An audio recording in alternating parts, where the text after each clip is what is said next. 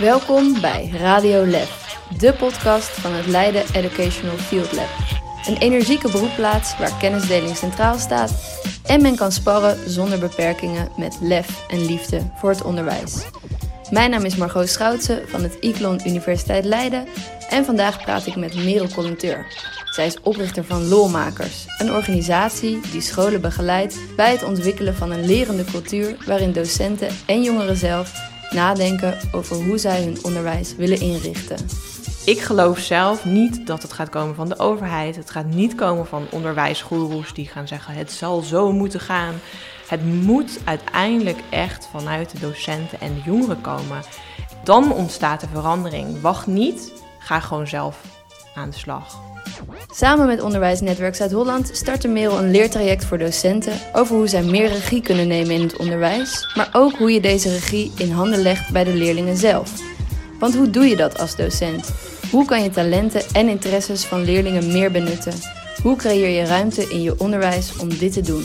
Je hoort het in deze podcast van Radio Lef. Merel, welkom eh, in de podcast. Leuk dat je er bent. Eh, we gaan het vandaag hebben over lolmakers. Kan je uitleggen wat uh, lolmakers precies is? Dankjewel voor je uitnodiging. Leuk dat ik vandaag mag aanschuiven. Ja, zeker. Lolmakers staat wat mij betreft uh, achter de jongeren en de docenten en de scholen met lef.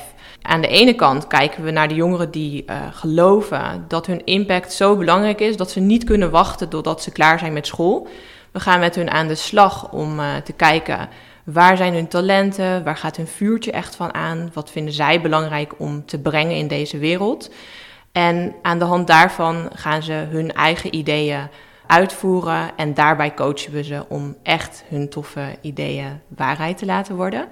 En aan de andere kant uh, zijn we vaak aan de slag met de docenten en met de scholen. We krijgen veel vragen van scholen um, dat, er, dat ze rondlopen met ongemotiveerde jongeren, docenten die uitvallen ja, er zijn van allemaal problematiek die dan speelt. En scholen vragen ons uh, om, om dan langs te komen. En wat we in principe doen met scholen zijn twee uh, verschillende dingen. Enerzijds gaat het er ook met de scholen en met de docenten over... waar zit nou je vuurtje, waar word jij echt blij van? Want dat maakt dat je zelf aan de slag wil gaan... en ook zelf iets wil gaan neerzetten in deze wereld. En anderzijds kijken we ook echt met scholen waar gaat onderwijs nou over? Wat is jullie taak? Wat vinden jullie jullie taak? En aan de hand daarvan geven we het onderwijs opnieuw vorm met de school. En dat zijn langere trajecten waarbij we echt uh, gaan kijken van, nou, wat is nu de cultuur op school? Uh, hoe ga je dat echt omzetten naar een meer lerende cultuur? Waarbij dan ook de, de jongeren, de docenten, uh, de bestuurders allemaal kwetsbaar genoeg durven te zijn om samen te gaan leren. En dat is denk ik echt de essentie van lolmakers. Dus dat we zeggen van leren wordt heel erg gekoppeld aan school. Maar leren is eigenlijk heel leuk. En zonder leren gaan we gewoon dood. Dus laten we er ook gewoon iets leuks van maken. En dat, uh, dat doen wij met lolmakers. Uh, je stond zelf uh, ook voor de klas voor, voordat je met lolmakers startte. Wat leidde jou naar het moment dat je dacht: ik wil dat dit anders gaat? Ik wil het anders aanpakken? Ja, dat is een mooie vraag. Wat goed is om te weten is dat hoe ik misschien in het onderwijs beland ben. Want ik, ik zat een keertje gewoon op Google en ik, was aan het, ik ging bijna afstuderen. Ik wist ineens, oké, ik word geen marinebioloog. Uh, geen, ik word geen onderzoeker, dat past niet genoeg bij mij. Uh, en ik kwam een onderzoeksboot tegen. En vanuit die onderzoeksboot kwam ik erachter dat er uh, een zeilschip was wat met jongeren de oceaan overzeilde. Nou, dat was dus meteen mijn grootste droom. Dus ik heb ze gemaild en wat zij mij benoemde was: oké, je hebt je eerste gratis bevoegdheid nodig van biologie, voor biologie. Dus uh, nou ja, dat was meteen mijn motivatie om dan toch maar de leraaropleiding te gaan volgen. Uiteindelijk uh, deed ik dat in een traineeship en zo kwam ik dus voor de klas te staan. En ik weet nog, de, de eerste paar dagen dat ik voor de klas stond, vond ik, dat, ik vond het helemaal geweldig met de jongeren. Maar ik merkte al vrij snel dat als ik vroeg van, hey, uh, wie kunnen er eigenlijk naar, waar kan ik naar buiten met, de, met ze? Of uh, wat kan ik hier gaan doen, zodat ik iets meer met de buurt iets kan ondernemen? Dat er heel, heel snel werd gezegd, ja, jij bent biologiedocent, dus gelukkig mag jij naar buiten. Wij kunnen eigenlijk niet met onze, met onze leerlingen naar buiten. En vanuit daar merkte ik al vrij snel dat het niet helemaal paste. En dat kwam denk ik enerzijds omdat ik zelf uh, nog vrij jong was. Ik was 24 toen ik voor de klas kwam. Dus ik was zelf ook nog heel erg aan het ontdekken van... hé, wat vind ik dan belangrijk? Uh, wil ik zo strak zijn in regels? Want dat zit ook in veel scholen zijn regels heel erg uh, een onderdeel. Daar liep ik zelf ook heel erg tegenaan. Dus dat was mijn persoonlijke onderdeel. En aan de andere kant zag ik ook gewoon heel erg dat de jongeren in de klas het aan het uitzitten waren. En dat ze binnenkwamen als ze twaalf waren, helemaal vol leerenergie van yes, ik mag eindelijk naar de middelbare school. En voor de herfstvakantie was het er over het algemeen al uitgeslagen, wil ik bijna zeggen, maar dat is natuurlijk niet zo. En dat, dat, ja, dat maakte me eigenlijk echt verdrietig. Dus dat was de, de, eerste stap. En toen kwam natuurlijk nog steeds die, die boot waar ik op meeging. En nou, er kwam een vacature, ik uh, ging solliciteren en ik ging mee op, op die boot om uh, de oceaan over te zeilen. En dat was echt het moment dat ik me besefte, het kan heel erg anders. Want op de boot uh, waren allemaal jongeren die er heel duidelijk waren met een bepaald doel. Zij wilden uh, iets beleven met elkaar, ze wilden persoonlijk zich ook ontwikkelen. School was een, zeker een belangrijk onderdeel, maar ze zagen het heel erg in de manier van: oké, ik snap wiskunde niet helemaal, kan iemand me helpen? Oh, de docent is even druk hey, jij bent supergoed in wiskunde. Dus er ontstond veel meer een mini-maatschappij. En daaruit zag ik gewoon zo duidelijk uh, dat de school is geen mini-maatschappij. En dat zou ik wel heel graag willen. Dat het echt weer het kernpunt wordt waar we, ja, waar ook bedrijven dingen kunnen brengen en halen. Waar wij allemaal graag heen zouden willen gaan. Dat zou mijn droom wel zijn. Ja. Mooi. Ik hoor je ook eigenlijk benoemen dat eigenaarschap daar een belangrijke rol bij is. Dus ook van de leerlingen zelf. Hoe probeer je met lolmakers het onderwijs te veranderen? Wat probeer je daar dan precies in te wijzigen? Ja, goeie. Nou, als eerste zeggen wij niet hoe het moet. Of wat het moet zijn, vooral. Dat is het eigenlijk meer. We zeggen niet, het moet dit type onderwijs worden. Je moet dat doen. Het gaat er ons vooral over dat we eh, ruimte maken. En dat is enerzijds ruimte maken in tijd, omdat scholen vaak heel erg de schaarste voelen dat er geen tijd is. En anderzijds ook letterlijk ruimte ontregelen. Dus echt bevragen van, goh, waarom zijn deze kaders er? Wat leveren die kaders jullie op? Wat levert het niet op? En dat is echt waar we eh, met ze aan de slag mee gaan. Ja, en dan komt ook uh, in die ruimte komt ook het eigenaarschap heel erg terug. Want op het moment dat je met elkaar hebt besloten dat, je, dat het anders mag, dan is het ook de vraag hoe ga je het dan anders doen met elkaar. En daar uh, heeft de docent, daar heeft de leerling, daar heeft eigenlijk iedereen binnen de school heeft daar een onderdeel in. En ook zijn eigen diversiteit met zijn eigen verhaal.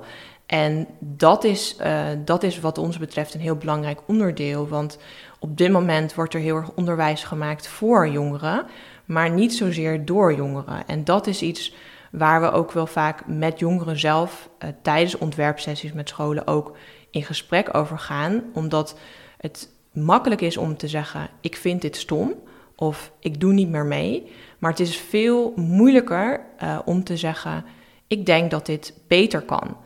En sommige jongeren kunnen dat juist heel erg goed. En om die jongeren e- hun stem te laten horen, geeft hun enerzijds het gevoel van hé, hey, ik word gezien. En zij kunnen daarmee ook de ruimte pakken om aan te geven hoe het anders zou kunnen en welke rol zij daar ook in kunnen spelen. En dat is wat mij betreft echt eigenaarschap hangt ook meteen samen met verantwoordelijkheidsgevoel en de verantwoordelijkheid kunnen nemen daarvoor. Heb je een voorbeeld van hoe leerlingen zelf dit eigenaarschap kunnen nemen? Wat een leuk voorbeeld is, is dat we, uh, we hebben een school begeleid in Amsterdam. Zij zijn met, een, uh, met hun VWO Plus aan de slag gegaan om dat opnieuw vorm te geven. En uh, daarin hebben ze een experiment gestart waarbij ze de eerstejaars leerlingen drie uur per week de tijd gaven om zelf iets te gaan doen. Dat betekende letterlijk dat ze de allereerste les binnenkwamen en dat de docenten gewoon uitlegden van, nou, hier is de ruimte en hier is de tijd. Wat willen jullie? dat gaf natuurlijk in het begin best wel uh, wat vragen. Zo van, hé, dit is te vaag, wat moet ik hiermee? Maar je ziet dat op zo'n moment ook een aantal jongeren die meteen begrijpen van... hé, hey, dit is mijn kans, pakken meteen het moment. Dus uh, ze, konden daar, ze gingen uiteindelijk allemaal een, een, eigen onderwerp verder uitzoeken... en daar dan ook een, een product voor maken... Uh, en als voorbeeld uh, was er een jongen die muziek ongelooflijk leuk vond. Hij was de hele dag aan het zingen in de klas met zijn koptelefoon op. Werd daar ook best wel vaak door over aangesproken. Dus hij kreeg er ook negatieve aandacht van, van de docenten die de hele tijd zeiden van... Wees stil, zet je koptelefoon af. En dit was zijn kans om eindelijk uit te zoeken... wat maakt nou kerstmuziek kerstmuziek? En dat vond ik zo'n waanzinnig vet idee, omdat enerzijds kom er maar op. En anderzijds ging hij dus echt achter zijn laptop zitten, achter de piano zitten, om zelf uit te zoeken wat zijn nou de elementen dat iemand denkt, hey, dit is een kerstnummer. Hoe kunnen docenten leerlingen inspireren om hen zelf die eigenaarschap te laten nemen in de les? Ja, dat begint echt bij de docent en nou ja, in het, aller, in het meest ideale geval uh, ontstaat er natuurlijk langzaam een cultuur in de school waarbij dat het nieuwe normaal is, om het maar zo te zeggen. Maar ik denk dat als je het echt puur over de klas hebt, dan, dan start het echt bij de docent. En gaat het er ook over dat de docent zelf gaat nadenken van... hé, hey, waar, waar, waar zit mijn vuurtje? Waar word ik nou heel blij van? Waarom, voor ja, welk verhaal heb ik te vertellen? Waarom sta ik eigenlijk voor de klas? En dat neem je echt het klaslokaal in. En aan de hand daarvan ga je ook je lessen anders vormgeven. En dat kan zijn dat je daarmee zegt: Ik vind vrijheid heel erg belangrijk. Of ik vind het belangrijk dat iedereen heel veel verbindt met de buitenwereld. Nou, als je weet wat je belangrijk vindt, vanuit daar ga je dan ook echt zelf eigenaarschap nemen. Om dat dan ook vorm te geven in je klas. Waar ik zelf heel erg in geloof, is dat we zijn. Het onderwijs is natuurlijk er is enorm veel aan het schuren in het, in het systeem. Maar tegelijkertijd zijn we best wel aan het kijken van... en wie gaat het oplossen? Ik geloof zelf niet dat het gaat komen van de overheid. Het gaat niet komen van onderwijsgoeroes die gaan zeggen... het zal zo moeten gaan. Het moet uiteindelijk echt vanuit de docenten en de jongeren komen. En dan zeg ik moeten, maar het is misschien meer het mag daaruit komen. Want zij zijn echt, zij weten wat ze doen. Zij, zij zijn de experts op dat gebied. En ik, ik vind dat ook heel erg fijn om daar met, met docenten ook aandacht aan te besteden. Om echt te laten zien, je hebt een invloedscirkel. En hoe meer je die gaat inzetten, hoe meer je vanuit jezelf gaat, gaat vormgeven, dat, dan ontstaat de verandering. Wacht niet, ga gewoon zelf aan de slag. Jij bent nu uh, met tien docenten het avontuur aangegaan. Voor uh, Onderwijsnetwerk Zuid-Holland maak je een hele mooie uh, nascholing waarbij ze zelf gaan ontdekken hoe, dit, hoe ze dit kunnen doen, hoe zij die regie kunnen nemen, hoe zij ruimte kunnen maken in hun onderwijs. Hoe verloopt dit? Hoe kijken de docenten hier tegenaan? Want het is wel opeens een hele andere stap, een hele andere richting. Nou, laat ik beginnen met hoe het dan voor, voor ons is om dit zo vorm te geven. Het is natuurlijk helemaal online. Dat is enerzijds fantastisch, omdat je uh, daarmee ook een nieuwe. Je, je, je voert eigenlijk een experiment uit. En dat wil je ze ook laten zien: dat je nieuwe dingen kan uitproberen uh, zonder dat het meteen een vernieuwing hoeft te zijn. Dat je echt moet uitproberen van dat je uitprobeert en dan kijkt wat er werkt en wat er niet werkt. En dat ja, fout is goud. Als iets niet goed gaat, dan is dat prima. En dat is iets wat we uh, totaal niet gewend zijn in ons onderwijs, waarin het natuurlijk heel erg op individualistisch zit en hoog presteren. Maar fouten maken hoort er zeker weten bij. En ja, wat, wat goed is om te weten is dat, we, uh, dat, het, dat het ook stapsgewijs gaat. Dus dat er eerst een moment is waarop, uh, waarop we gaan kijken van... hé, hey, waar, waar gaat jouw vuurtje van aan? Wat is jouw inspirator? En vanuit daar gaan ze uh, zelf kijken en echt observeren in de klas. Wat zie ik gebeuren? Um, waar zie ik uh, energieverlies? Dus um, waar zou het anders kunnen? Wat zou ik ook zelf willen in mijn klas? En vanuit daar hebben we de vorige keer uh, een klein experiment ontwikkeld. En dat doen we uh, door middel van design thinking. Dus dan gaan ze, lopen ze echt bepaalde stappen door om dan te eindigen met een zogeheten prototype. En dat is een klein experiment wat ze gaan uitproberen in de klas. Iedereen heeft iets anders, dus er zijn tien verschillende prototypes. En het idee is nu dat ze het gaan uittesten in de klas en dat ze feedback vragen van de jongeren. Om het vervolgens ook weer te kunnen fine-tunen en te kunnen kijken wat ze hiermee verder willen gaan doen. En in dat proces uh, gaan we in de laatste keer ook echt kijken van wat gebeurt er nou bij jezelf als je zo'n experiment gaat uitvoeren en wat zie je gebeuren in de klas. Omdat ruimte maken vraagt vertrouwen, maar uh, ruimte geven betekent ook dat je een soort van de controle weggeeft. En dat is natuurlijk iets wat we, als je naar de leeropleiding gaat, dan leer je de escalatieladder met uh, hoe je zo snel mogelijk um, gedrag wat jou niet zint, uh, tegen te gaan. En dat is, als je iets nieuws uitprobeert, geef je een stukje controle uit handen. En dat is heel spannend. En daar gaan we de laatste bijeenkomst uh, met elkaar ook over discussiëren. Zie je bij docenten die spanning? Vinden zij het spannend om dit uit handen te geven? Ja, ik denk dat elk mens heeft behoefte aan een bepaalde mate van controle en zekerheid. Dat zie je natuurlijk nu ook in, in de coronatijden, dat iedereen zoekt zijn eigen zekerheden op. Ik zie wel dat het heel erg verschilt per docent. Dus er zijn docenten die heel erg, heel erg vasthouden aan controle en dat ook als hun manier van lesgeven zien. Maar er zijn juist ook wel heel erg veel docenten die het als een kans zien en denken van hé hey, leuk, ik, ik heb ook zin om iets nieuws uit te proberen. Ik ben leergierig. Ik denk ook dat, ik het, dat het anders kan. Uh, dus ja, ik zie altijd spanning. Ik voel ook altijd zelf spanning als ik iets nieuws uitprobeer. Maar hoe je ermee omgaat, dat is denk ik voor iedereen heel erg verschillend. Heb je een voorbeeld van uh, een van de experimenten die de docenten ontwikkeld hebben tijdens de training? Nou, er zijn dus tien verschillende prototypes uh, uit, de, uit de workshop gerold. En eentje die meteen naar boven komt. En dat komt vooral doordat hij mega simpel is en uitvoerbaar in, in, in 10 seconden of zo. is een experiment van iemand die op een basisschool werkt. En zij liep er tegenaan dat op het moment dat ze. Zij, zij werkt al heel erg veel met uh, dat ze zelf mogen bepalen welke taken ze wanneer doen. Dus er zit al een bepaalde mate van vrijheid in. Natuurlijk nog niet echt wat ze doen, maar wel wanneer ze welk taakje uitvoeren. En zij liep er heel erg tegenaan dat de leerlingen vaak vastlopen en gewoon dan maar niks gaan doen. En haar idee is nu om buddies te, te maken. En um, dan hebben ze dus een buddy met wie ze uh, de vrije, uh, ja, de, zelfwerkruimte samen gaan uh, doen. Dus dat betekent, weet je even niet wat handig is voor je planning? Heb je even geen motivatie? Weet je niet precies of, of dit de goede opdracht is die je moet maken voor rekenen? Dan vraag je je buddy.